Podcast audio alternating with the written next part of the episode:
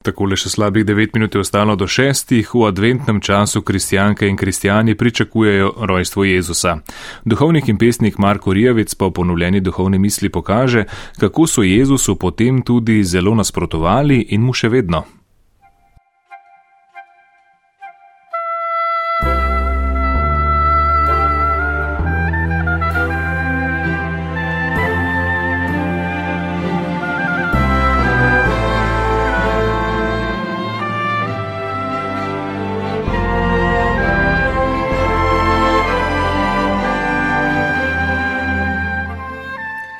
Niso vsi z občudovanjem zrli v Jezusa, ko je govoril. Niso ga vsi poslušali, mu čestitali in ga pozdravljali. Nikakor. Jezusa niso sprejeli. Celo njegovi, lahko bi rekli tisti, pri katerih bi moral biti najprej sprejet, tisti, ki bi ga v osnovi morali imeti radi, kakršen koli že je, tisti, ki bi ga morali podpirati, so ga zapustili in ga zavrgli. Za nje je bil neprimeren, štrlev je iz vrste in ker jim je to štrljenje postavljalo vprašanja, ob katerih so začutili, da bi morali svoje življenje spremeniti, so ta glas preprosto utišali. On je tesar, kaj more pametnega povedati? Laže je tako: ostati tam, kjer si in se ne premakniti. Zato tam v njihovem mestu ni bilo čudeža. In pravzaprav je to usoda vsakogar, ki želi živeti evangeli. Vedno bo čudak, ne bo priljubljen, Še več, zdi se, da je nasprotovanje za kristijana dejstvo, ki ga sprejema skupaj z evangelijem. Tako močno dejstvo, da lahko rečemo, da tisti, ki se mu ne nasprotuje, po vsej verjetnosti ne živi po evangeliju. Evangelij je sprevržen, nor, popolnoma drugačen od logike tega sveta. Zato je pričakovano tudi vsak, ki ga živi, za ta svet nenormalen. Celo svojim krščanskim sobratom, ne samo svetu, celo samemu sebi, ko se gleda v ogledalo, in si misli, da je nor, da počne kaj takega. Toda to je njegova vloga. Evangelij ni napisan za popularnost, za, za smeh in nasprotovanje je napisan, ker je mišljen kot starševska beseda najstniku. Oznanja namreč spreobrnenje, napor, ki ga potrebujemo, čeprav nikomor ni všeč. Toda evangelij mora biti in vedno ostati glas nenormalnosti, mora zbadati, mora provocirati in oznanjati nenormalnost sredi normalnosti da ne bi v svet postal nenormalen. Zato verjamemo v evangeli, ker potrebujemo nekoga, ki nam nasprotuje, da se ne bi v tem življenju izgubili.